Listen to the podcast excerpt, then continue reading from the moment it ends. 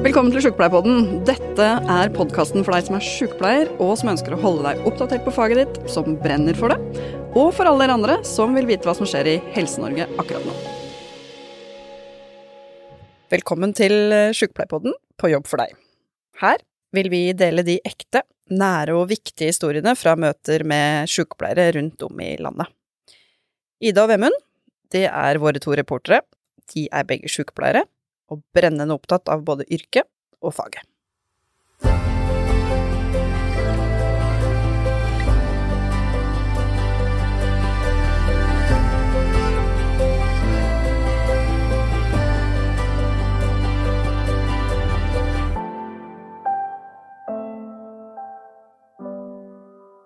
Hei!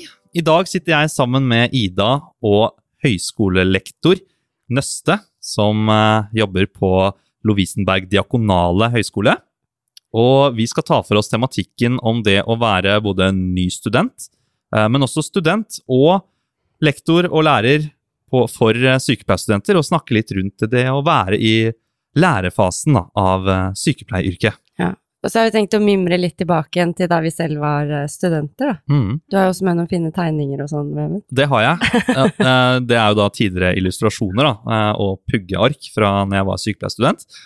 Og så har vi tenkt å snakke litt om ja, tidligere opplevelser som vi har hatt som studenter selv. Jeg har fått masse minner bare flammende tilbake her nå mens jeg sitter her med neste og snakker om litt av hvordan tiden var når jeg var student.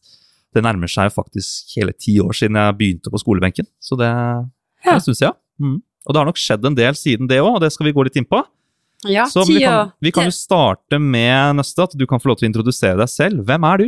Ja, hvem er jeg? Du, jeg er Nøste Marcellussen og jobber ved Lovisenberg diakonale høgskole som eh, og Jeg har mye studenter i praksis, derfor er det veldig hyggelig å få lov å være med på dette. For jeg har jo god erfaring med å veilede studenter. Og jeg kan ikke si at jeg fikk så veldig mange flashback tilbake til min studietid, men noen har jeg fått da. Så det, kanskje vi kan komme inn på noe av det, hvordan det var den gangen. Ja. Mm. Hvor mange år siden er det du eh, var ferdig? Å, hadde jeg bare husket det, Ida. Det begynner å bli en god del år siden, for å si det på den måten. Jeg er jo en voksen dame.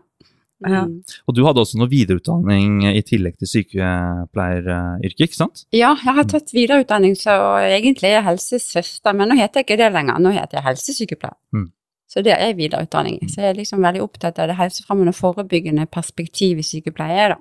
Mm. Og det får man flott inn i bachelorutdanningen. Ja, Og du jobber nå som en høyskolelektor, da. Det gjør jeg. Ja. Ja, Åssen blir man en eh, høyskolelektor, Nøste? Nei, da må man ta litt utdanning, da. Ja. Man må i så fall ha en master. Mm. Mm. Og når man har fått en master, da har man kompetanse til å kunne søke på en høyskolelektorstilling. Og det handler kanskje om ikke bare det å eh, søke opp evidensbasert forskning, men også være med å lage den, eh, som man gjerne gjør i en master. Ja, det gjør man i en master. Mm. Så det, Så det er liksom litt av kravene, da. det er litt av kravene. Mm. Blant annet. Ja. Hvor lenge har du jobbet på Lovisenberg? Lovisenberg det er faktisk tiårsjubileum nå her i, begynn- i denne måneden. I august så har jeg vært der i ti år. Ja. Så det er en veldig fin arbeidsplass. Jeg er veldig glad for å være en del av staben der og treffe alle de flotte studentene som vi har tilgang til å møte der. Da lurer jeg litt på, jeg, nå som jeg først har en eh, lærer eh, her ved siden av meg, og liksom, hvordan er egentlig en dag som en lærer på sykepleierutdanningen? Fordi min erfaring er jo bare at eh, fra når jeg var student, at jeg kommer inn på, eller på benken da, i forelesningssalen, og så kommer læreren inn, alt er forberedt, prater litt, og så stikker han igjen, og så kommer en ny lærer, og så ser jeg ikke så veldig mye mer til dem, annet enn kanskje ved praksis og litt sånn gruppeoppgaver. Men det er vel ikke sånn at du går inn, har en time og drar hjem igjen. Det er kanskje litt forberedelser. Det er sikkert en del eh, samkjøring og planlegging med andre lærere, vil jeg tro. Det er, det et miljø, eller? Ja, vi har selvfølgelig et miljø. Så mm, altså en vanlig dag fins egentlig ikke. For den er så variert i det yrket vi har. Men når man skal ha undervisning, så må jo vi forberedes. Da må vi lese, vi må lese mye. Holde oss oppdatert på kunnskap, så det blir mye lesing. For å kunne gi god nok undervisning og, og det, til studentene. Og så har vi eh, mye veiledning. Det er mye grupper som skal eh, veiledes. Eh, oppgaver som skal gjøres, hvor vi må gå inn og veilede sensurere må vi gjøre. Det tar en god del tid av arbeidsoppgavene våre. Vi er nede i klinisk læringslab, som det heter nå, hvor man lærer da utøvelse av sykepleie, praktiske ferdigheter. Det gjør vi mye Mm. på de første, andre og tredje året. For mm, ulike prosedyrer skal jo læres før for studentene skal kunne eh, komme ut i praksis hvor de da får øve videre på dette, da. Og for, Ja. mm. Husker også vi hadde sånn øvingslab, Mm. og vi øvde å sette sprøyter på hverandre, legge Ja. kateter. Det er vel litt sånn av det samme. Det er det samme. Ja. Subkutant intramuskulært, sette venefloner. Ja. ja. begynner gjerne med å lære å ri opp en seng, da. Ja, Det gjorde vi jo. Ferdighetssenter kalte vi det. Ja. Da, da var det line opp senger inne på et Ja, rom, ja. og så skulle vi prøve først å liksom dekke til den sengen og legge det Mm. ordentlig, og det å lære å skifte på det, både med eller uten pasienter. Ja. Uh, og jeg tror noe av det morsomme jeg tenker tilbake på der nå, var at vi lærte jo å skifte sengetøyet, men vi lærte aldri å skifte det sengetøyet når det var liksom virkelig helt overfylt av avføring og urin, da, som uheldigvis eh, har skjedd et par ganger etter jeg begynte å jobbe. Uh, og da fikk jeg en litt mer sånn utfordring enn bare det å liksom skifte det pent og putte det oppi poser og rydde, for det, det var liksom det var så flytende, da. At det ble liksom to-tre skift før vi fikk liksom vasket og skiftet det ordentlig.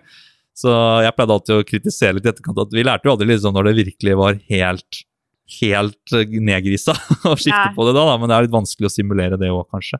Det er litt vanskelig å simulere. Ja. Men det er jo mye mer simulering nå enn øh, vil jeg velge å tro når dere Det kan godt du, for være, ja. det- ja.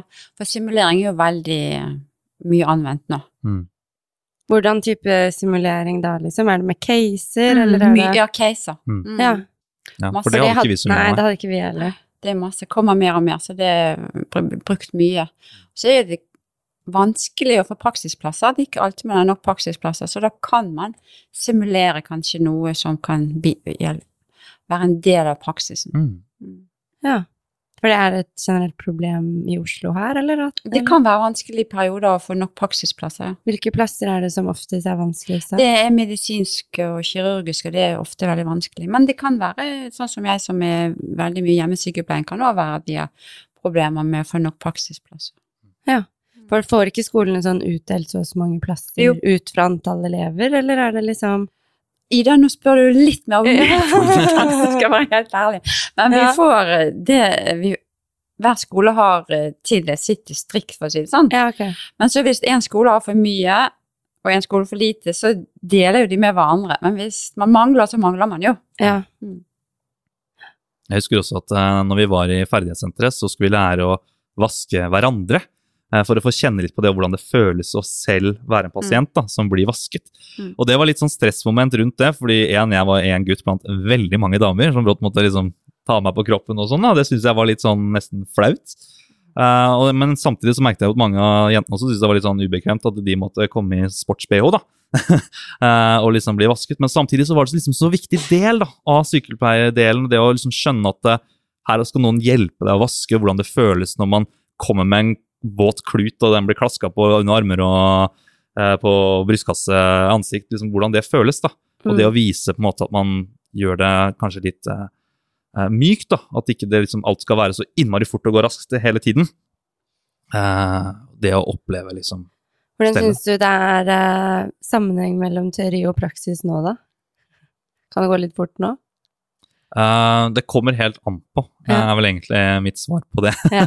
Eh, på akuttmottaket så kan det periodevis være mer fokus på tid enn ja. en kvalitet, men jeg erfarer vel fra hvert fall når jeg jobbet på sengepost, at vi la veldig vekt på den delen med at det skal være en god, et godt stell, da. Og at ikke det er noe man skal kimse med, fordi det er en så utrolig viktig del av det å se pasienten også. da. Når man kler av dem og vasker dem, at man får blottlegget kroppen litt, og da identifiserer man jo brått ikke sant, det dukket opp et nytt utslett, eller her er det sår, eller til og med plaster som ikke har vært skiftet på på lenge. eh, slike ting.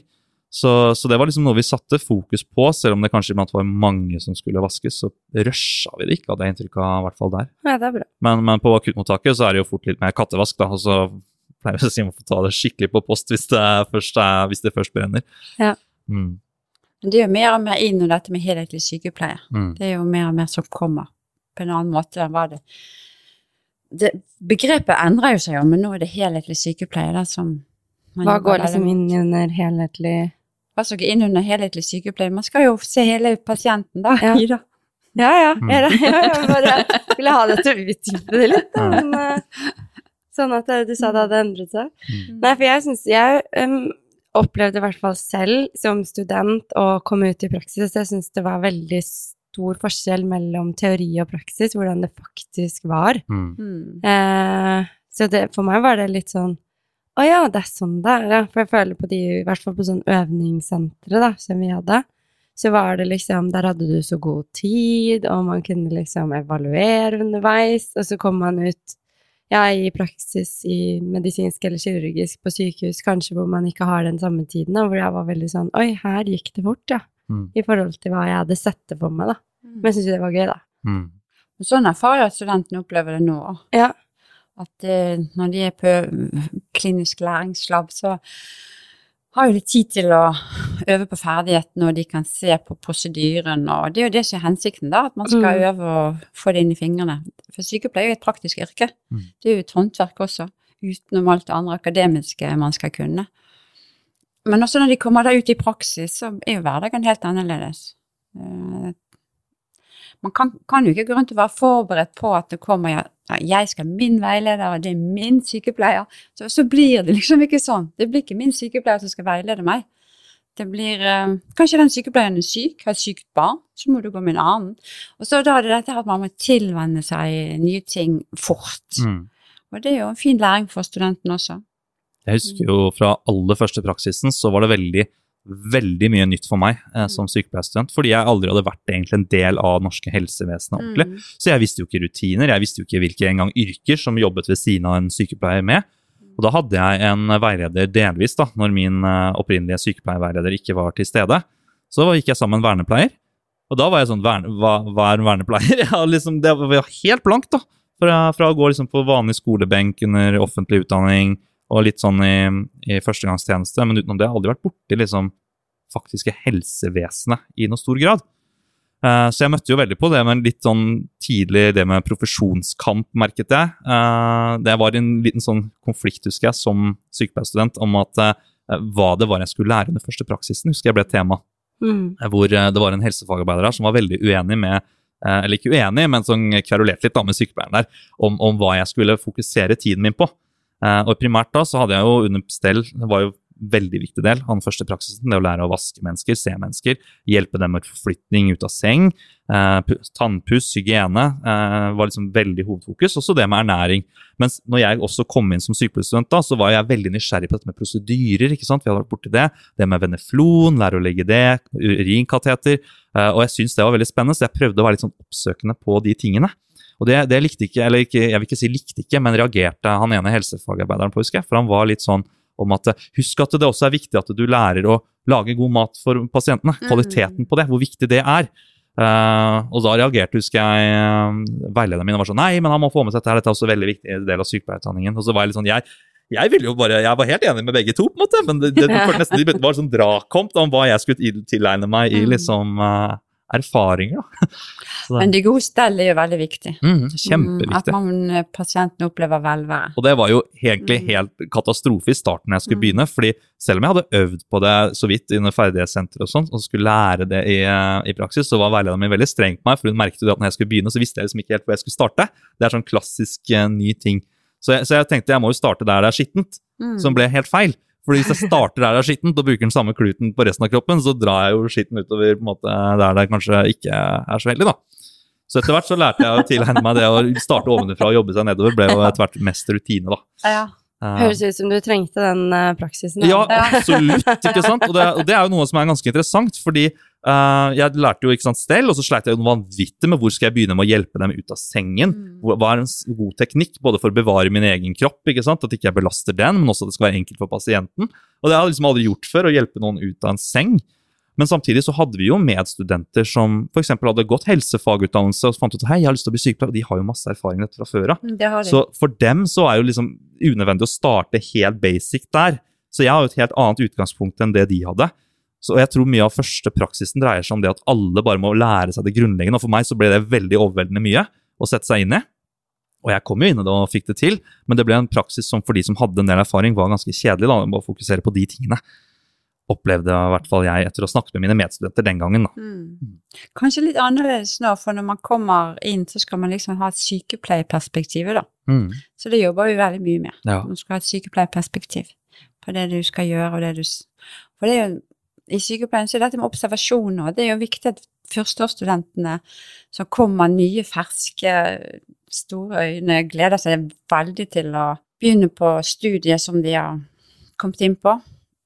At vi lærer dem god sykepleie. Mm.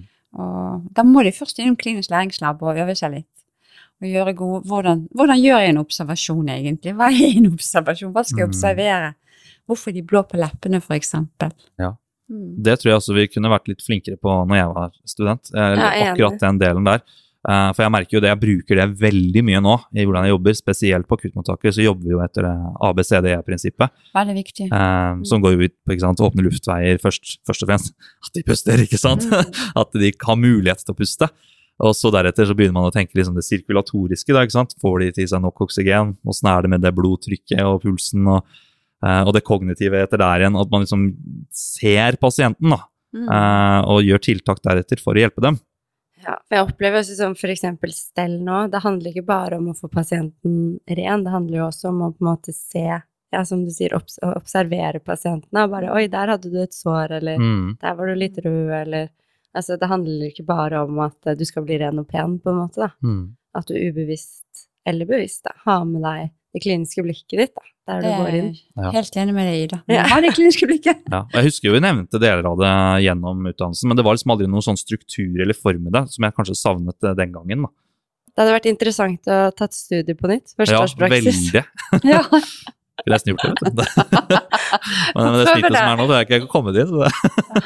Ja, for du sa Mm. du snakket noe om før vi begynte i stad, det om snittet for å komme inn på Lovisenberg, at det var ganske høyt. Ja, det er veldig høyt for å komme inn på Lovisenberg. Vi er heldige å ha dyktige studenter. 51,2 var snittet nå for å komme inn. Mm. Så da må jo du ha noen, fem, noen seksere, da. noen femmere. Så det er høyt snitt for å komme inn Mm. på Er det den mest populære, eller vet du kanskje ikke, men uh, i Eh, Oslo i hvert fall? I Oslo, det vet jeg. I Oslo er vi øverst, og så er det NTNU som er, De er over oss da, Mm. Nå på dette nye. Mm. Mm. For det var jo noe med at det var færre søkere til sykepleien, og da kan jo snittet fort gå ned. Men det er jo tydelig at det ikke har gjort det, i hvert fall hos dere, da. Det er færre søkere til sykepleie generelt, sånn som Ja. jeg har forstått det nå, da. Mm. Uh, kanskje det kan skyldes covid Ja. og alt som skjedde i den perioden. Men snittet har eh, Søkermassen har gått ned. Mm. Mm. Men snittet var fortsatt veldig høyt, da. Mm, veldig høyt snitt.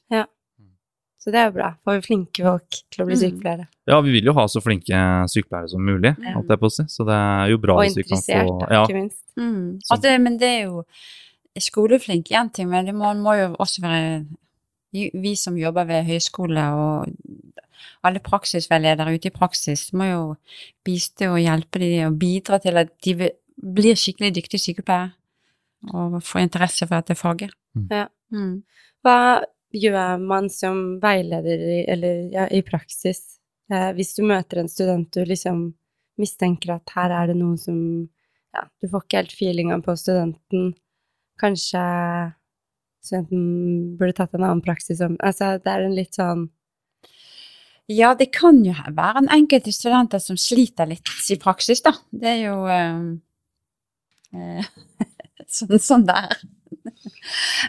Enkelte sliter, Kanskje synes det er vanskelig. eh, Kanskje det ikke var det de trodde de skulle møte. Men vi gir jo mye ekstra veiledning. Ja. Og samtaler med de, og det er vel ikke så mange som blir veiledet ut av sykepleierstudiet, men enkelte blir jo det. Men det er ikke min jobb, så det har jeg ikke bidratt med. Men jeg vet jo at det skjer, da. Mm.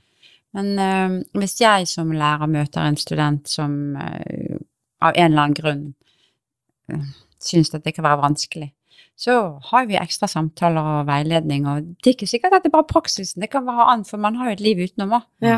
Så det kan være det er hele pakken som gjør at ting ikke alltid er like enkelt her. gjør.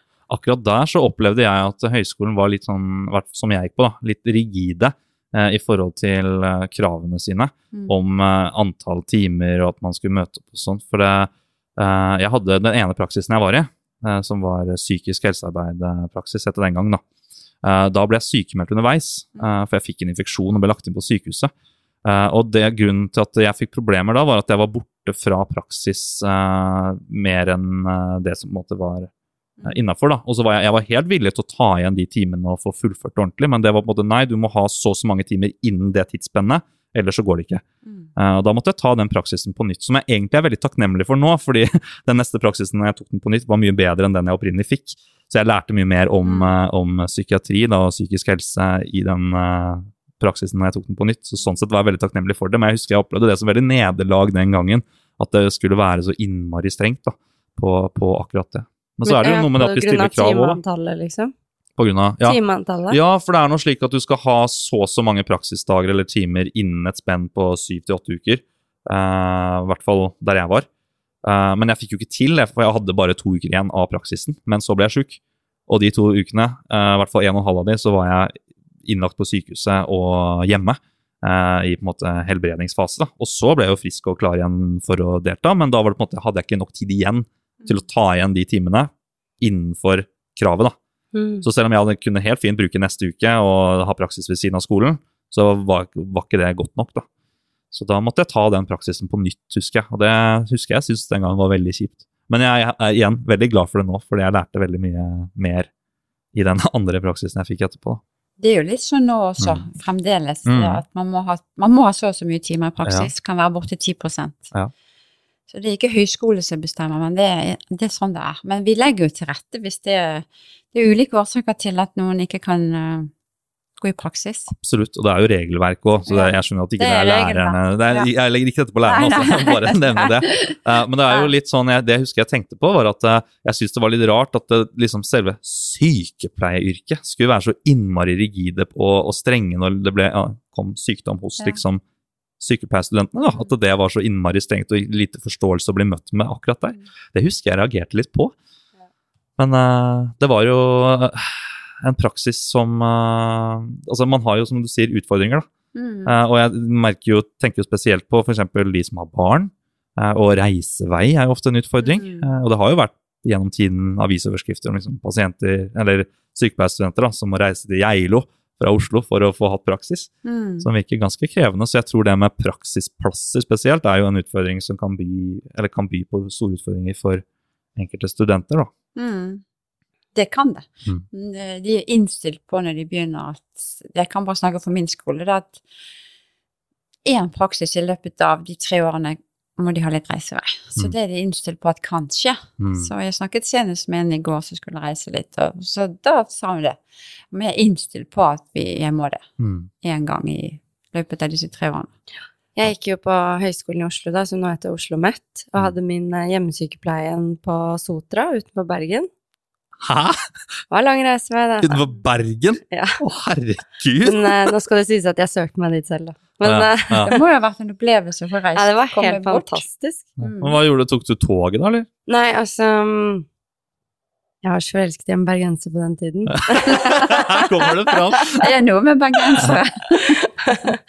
ja, det ligger vel i familien, da. Ja. uh, nei, jeg eh, måtte jo eh, Akkurat på hjemmesykepleiepraksis og um, psykisk helse, da, så Mm. kunne vi søke praksisplass selv ut, altså på sko, eller på steder som ikke skolen allerede hadde avtale med.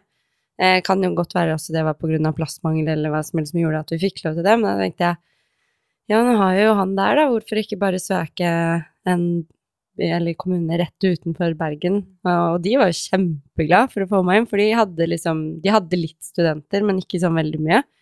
Eh, og det, jeg syntes det var helt fantastisk å være der. Mm. Hadde god tid og kosa meg fælt. Mm. Var den beste praksisen jeg hadde. Det er bra, de, da. Jeg husker jeg hadde praksis nå Jeg studerte jo i Fredrikstad. Og så hadde jeg en del praksis som var bl.a. i Sarpsborg. Og det i seg selv er jo ikke så langt unna. eh, men det kollektive tilbudet eh, i da Østfold eh, er jo ikke like bra som her i Oslo.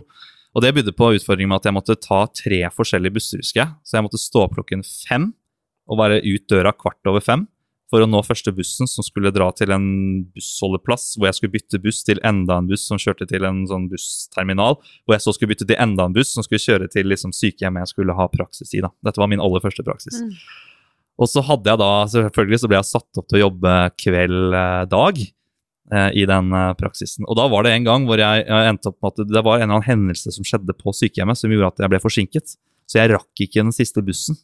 Til, eller jeg måtte vente en time da, på neste buss for å dra fra Sarpsborg hjem. Så begynte jeg å regne på timen, så tenkte jeg vet du hva, jeg kommer faktisk ikke hjem før nærmere halv ett. Og da, da, jeg var så sliten, jeg hadde hatt så mye praksisdag, så tenkte jeg vet du hva, jeg, jeg bare sover her. så, jeg, så jeg ble igjen på sykehjemmet i garderoben, og så sov jeg på gulvet der. Eh, for de hadde varmekabler i gulvet, så det var veldig varmt. Jeg hadde, ja, og, så, og så var dette her ikke sant, eh, vinterstid, så jeg hadde jo med sånn stor, tjukk, ordentlig sånn jakke, så jeg bare pakket meg rundt den, og så lå jeg og sov der uh, på gulvet, da, sånn at jeg bare kunne få de mest mulige timer da, til å stå opp neste dag og møtte opp, og hei, her er jeg, liksom. Og følte egentlig at det funket veldig bra, for jeg hadde fått sovet mye mer. Det eneste som har slått meg ettertid, er at egentlig så er nok ikke det lov. Nei, det var en NRK-sak om det, om et sykehjem i? Oslo hvor ansatte sov på sykehjemmet for å spare tid og Ja. Nei, for jeg tenkte, eller det, jeg- det jeg har tenkt på ettertid, er litt sånn brannvern og sånn, at ingen vet at det ligger der. Det er kanskje ikke så bra. Nei, det er ikke så bra. Uh, så sånn sett, shame on me, men akkurat der og da så virket det liksom som den beste løsningen min, istedenfor at jeg måtte ta bussen hjem, sove i tre-fire timer og så opp igjen og tilbake. Uh, Du vil jo sove. Du vil Ja, jo slappe av. jeg trenger jo hviletid, ikke sant? Du vil være uthvilt. Så, men jeg kunne jo kanskje faktisk, hvis jeg hadde turt, da, men jeg var vegret meg for, gått og spurt kanskje noen at hei, jeg rakk ikke bussen, er det mulig at jeg kan sove her i natt et sted på en sofa, eller bare Det hadde sikkert gått om å tilrettelegge litt mer. det er helt sikkert sagt ja. Absolutt. Så det må være litt på egen kappe òg, tenker jeg. Mm. Du så godt, da. Absolutt. Det Ja. er overraskende bra til å være et gull, faktisk. Ja. Mm. Hva var din eh, favorittpraksis, Vemund? Oi, uh, vet du hva? Det er faktisk psykisk eh, helsearbeid-praksisen. Praksis nummer to, Ja. siden jeg ikke fikk den første. Da var jeg på et barne- og ungdomspsykiatrisk poliklinikk, som jeg syntes var veldig spennende. Uh, jeg kunne aldri jobbet med det selv, for det gikk meg veldig inn på meg, Uh, mye av det jeg så opplevde der. Men jeg syns det var så ålreit, for der fikk man snakket, sett, liksom, sett virkelig pasienten, Mm. Uh, og hva man kan få til med en sånn tverrfaglige team, da, som de hadde mye av der. Mm. Så der hadde de ikke sant, de hadde jo sykepleiere, de hadde lærere, de hadde fysioterapeuter, ernæringsfysiologer, leger, psykiatere. altså Alt var der for én individuell pasient. Mm. Sant? De unge. Vi ønsker at de skal bli godt ivaretatt og, eh, og komme tilbake og fungere i samfunnet, så ikke vi mister dem i en tidlig alder. da, At de faller utenfor systemet og blir uføre. Det var liksom tankegangen. da. Veldig viktig. Jeg syns det var så bra hvordan hver pasient hver dag ble tatt opp på et møte, og vi satt der alle og drøftet og prøvde liksom, hva er det vi ser, hva er det vi vet, hvordan kan vi hjelpe dette mennesket. Og det syns jeg var så utrolig kult å se, da, og liksom hvordan virkelig ressursene er der, hvor mye man kan hjelpe noen, enn eh, hvordan det ofte er eh, når det er, man er syk og i et system hvor veldig mange trenger hjelp. Da, altså kanskje skranter litt at det er så vidt bare sykepleierne og legene som er egentlig involvert. Mm. Eh, og så har man så mye mer ressurser man egentlig skulle gjerne koblet på. da. Ja. Så den syns jeg var veldig veldig fin, den praksisen. Og møtte sterke historier der som uh, jeg tok med hjem. Mm. Og også er grunnen til at jeg ikke selv vil jobbe der. Men ønsker, alle de som jobber der, ønsker jeg bare for noen mennesker, altså. Godt. Neste, hva er- hva er din uh, favorittpraksis? Det er jo lenge siden jeg var student, da, men Mm. jeg syns det er veldig hyggelig å veilede i tredje år på eh, hjemmesykepleien, som jeg gjør. Mm. mm. Altså kommunehelsetjenesten. Det Hva, er det du, på en måte, hva veileder man disse studentene i da? Hva, hva er deres mål for hjemmesykepleierpraksisen?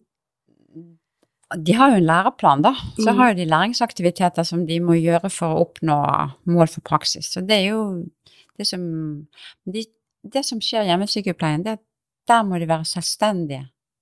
Det er jo den praksis hvor de må jobbe mest selvstendig og anvende alt som de har lært, all kunnskapen. Og de er utrolig vekstkurve. De går sånn, så kommer de til midtevaluering, så fyker de opp. Ja. Man ser hvordan de endrer seg, hvordan de mestrer. Og, så det er virkelig veldig kjempegøy, tror jeg kan si, å være veileder for hjemmesykepleien. Mm. Praksis. Så det er det jeg har mest erfaring med, da. Jeg tror jeg lærte mest selv, faktisk, under hjemmesykepleiepraksisen jeg hadde. Det er mye fordi man lærer det å jobbe veldig selvstendig, da. Mm. Uh, man reiser jo i utgangspunktet, i når du jobber der, så er du jo alene Mm. om å gjøre valg alene. Uh, og til å begynne med så gikk jeg jo i tospann, men hjemmesykepleien var veldig flinke til, og det er sikkert litt sånn i forhold til ressursbruk òg, at det hjelper jo, uh, men at du skulle få lov til å prøve deg på egen hånd. da. Mm. Uh, og da husker jeg de ga meg en ganske del utfordrende caser hjemme hos folk, som de ga meg oppgave at her er, har det en familie eller pasient da, som, eh, som du skal følge opp. Eh, her skal du kartlegge og eh, gjøre og komme med forslag til hvordan vi kan gjøre det mulig der. For det har vært en utfordring, eller en pasientgruppe som har vært der lenge. da. Mm. Eh, og gjerne tilbake med hva er det du ser, hva er det du tenker de trenger, og, og liksom å jobbe med det. Og det, altså jeg møtte pasienter der som ikke snakket norsk, ikke snakket engelsk, eh, hvor jeg måtte rett og slett bruke dette med kommunikasjon i utrolig stor grad, da, både med hender og ansiktsuttrykk, og, eh, og ringe en tolk klokken to om natta, liksom, for å prøve å få til en god dialog med pasienten. Da. Og det å se hjelpebehovene deres, det er bare utrolig spennende. Må være kreativ hjemmesykepleien. Må man anvende de mulighetene man har.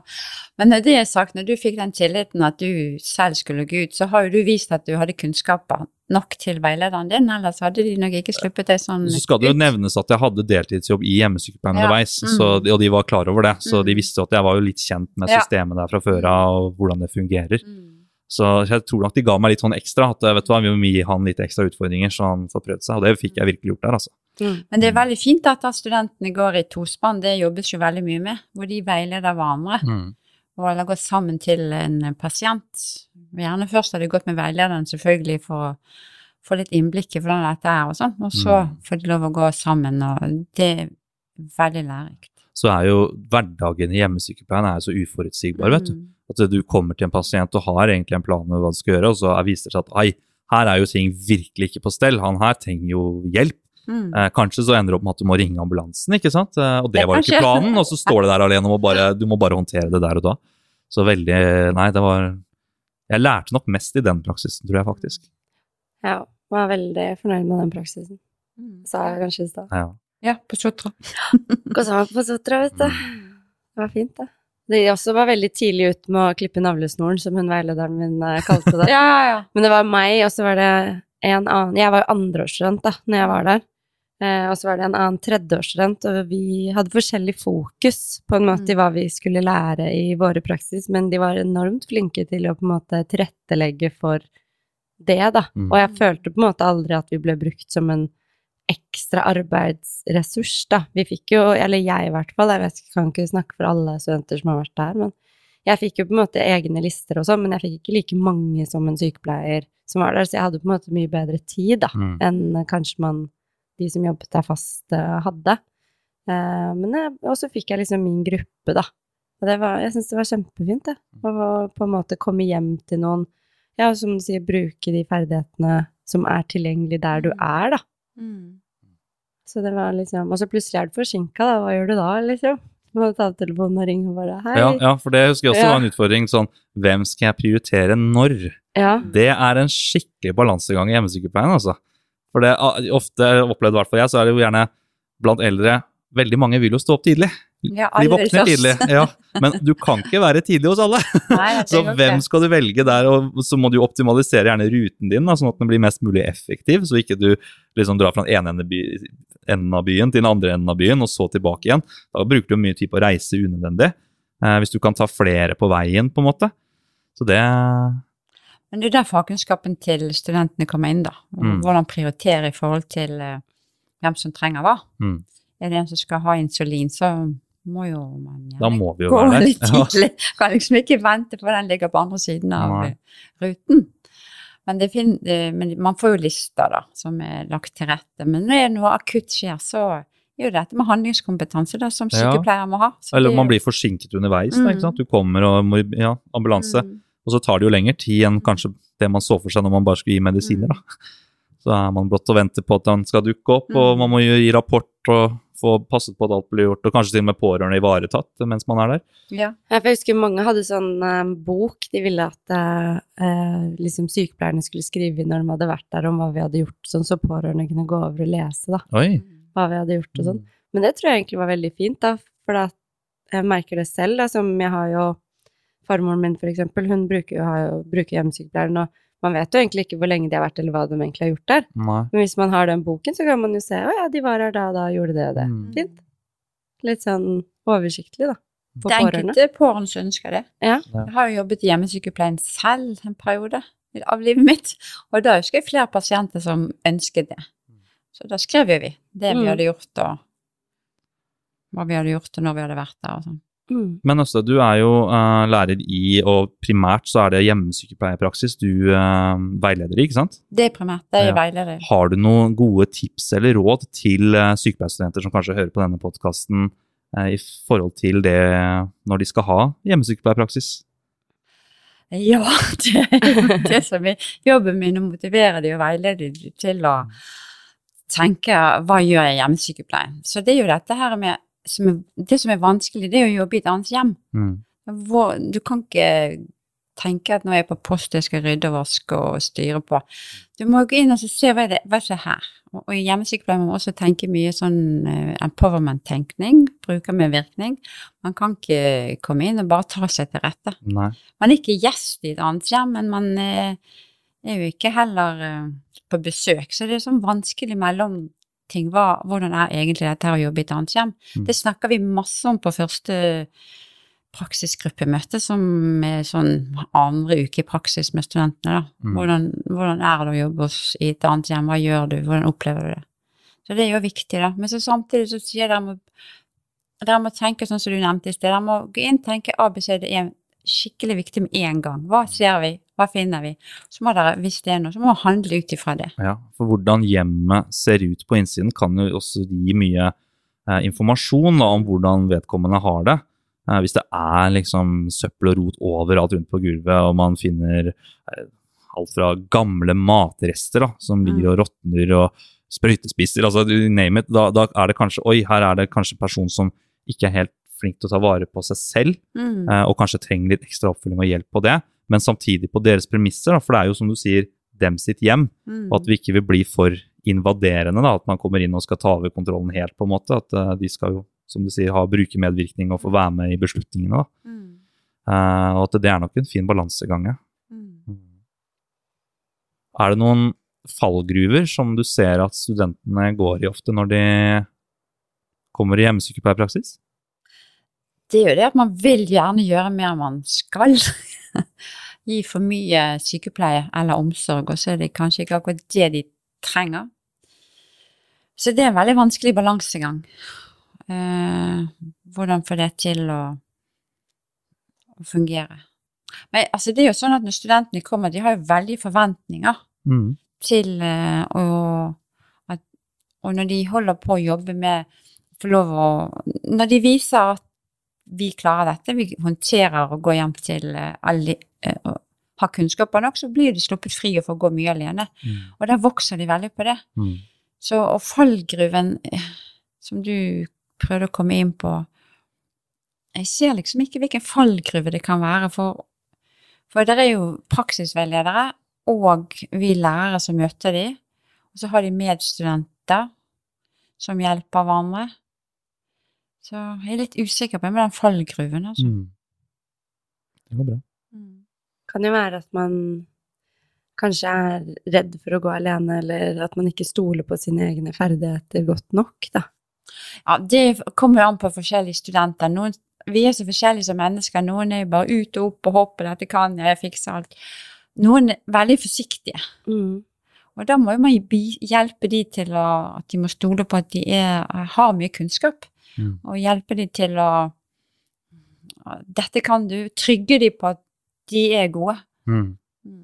Jeg husker også som student at eh, jeg kunne synes det var ganske vanskelig å komme hjem til eh, pasienter og pårørende som, eh, var, jeg var, som jeg opplevde som skeptisk til deg da, eh, Mm. som student. At de kjente deg ikke, de visste ikke hvem de var, kanskje hadde de hatt dårlige opplevelser fra tidligere, eh, og skulle liksom kvalitetssikre alt du gjør til enhver tid. Mm. Og det igjen gjorde jo at du selv ble usikker eh, på det du gjør, da. Mm. Eh, og det å liksom bygge opp tilliten til dem på at vet du hva, nei, men jeg er her faktisk for å hjelpe dere, og jeg skal gi deg god hjelp hvis du lar meg få litt Mm. spillerom til det, eh, så skal vi faktisk få til dette til å bli ganske bra. Eh, og så over tid så viser det seg at det blir jo ganske bra, og da, da på en måte var det greit og man ble gode venner og sånn, men det å møte noen som på en måte egentlig er litt skeptisk til deg, eh, husker jeg at jeg syntes var vanskelig til å begynne med. Det forstår jeg. Men så er det sånn at eh, pasientene De kan bli kalt for brukere, men nå sier jeg pasienter, da. Mm.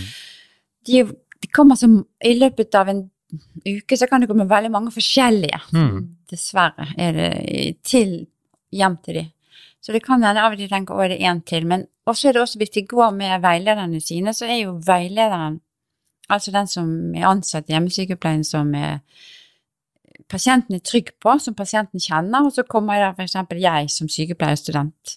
Mm. Så og hva kan hun, liksom? Så da Ja. må jo jeg liksom prøve å få tillit til denne pasienten da, og det snakker jo vi selvfølgelig mye med studentene om. Og så sier studentene til meg at når, når de har fått denne tilliten, og veilederen ikke er til stede, så er gjør det mye bedre. Så da går jo kommunikasjon med pasienten på en Ja. helt annen måte. For da er det liksom de to som er, holder på å jobbe sammen, da. Du må rett og slett ta det lille hoppet alene, Mm, enn å bare følge alene. etter og være litt sånn flue på veggen. Mm. Det er jo gjerne da man lærer mest, da. Når Mm. man får lov til å gjøre alt selv uten å ha noen i ryggen som Mm. står og følger med på alt du gjør, for da blir man jo usikker. Da Ja. blir man jo alt man gjør. Hvis du skal, det er det samme hvis du prøver å få til noe hjemme, og noen står og følger med på alt du Ja. gjør, så er det vanskeligere enn å bare være alene og gjøre det. Og det var jo litt det veilederen min gjorde til å begynne med òg, var at nå går du inn her, og så gjør du de oppgavene, og så er jeg utenfor hvis det skulle være noe. Og Ja. du kan hente meg hvis du lurer på noe eller trenger noe, men du Mm. gjør det, og så kommer du tilbake og forteller meg åssen det gikk. Og det er jo det som man jobber veldig mye med, sånn før, Mm. Under og etter veiledning. Dette med å forberede seg til noe man skal gå inn i. Mm. Uh, uansett om man er student eller ikke, så er jo det viktig å gjøre. Og så er det da, når man har gjort noe, at man da etterpå kan, sånn som din veileder gjorde, reflektere sammen med deg. Det er jo veldig lærerikt. Så det oppfordrer vi veldig til å, å, å gjøre. Og det gjør vi mye, ikke bare når studentene er i praksis, men også vi har jo praksisgrupper da, hvor de kommer på skole og vi møter dem. Skikkelig veldig gøy med disse praksisgruppene. Altså. Det, da går Ja. diskusjonen høyt. Ja. Og vi da lærer veldig mye av det. Ja. Og da har vi, tar vi opp caser hvor vi også kan gå på før, under og etter, så studentene legger frem da.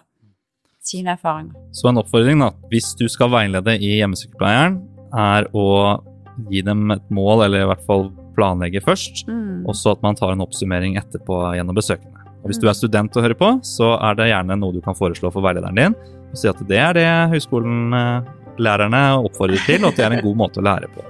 Ja, kjempebra. Men tusen takk, Nøste, for at eh, du var med på podkasten. Kjempehyggelig. Tusen takk for at du spurte meg. Det var veldig hyggelig. Hva er, hva er planen videre nå for dagen? Planen videre nå for dagen er at jeg må gå på Mac-en min og så titte om det er kommet inn noen mailer. Planlegge litt. Jeg holder faktisk på med å skrive en artikkel sammen med noen eh, kollegaer, så vi skal møte på torsdag, så jeg må forberede meg til det. Da skal du få lov til å jobbe med det. Takk for at du kom i studio, eller her hjemme hos deg. Takk for at vi kom hjem til deg i studio her.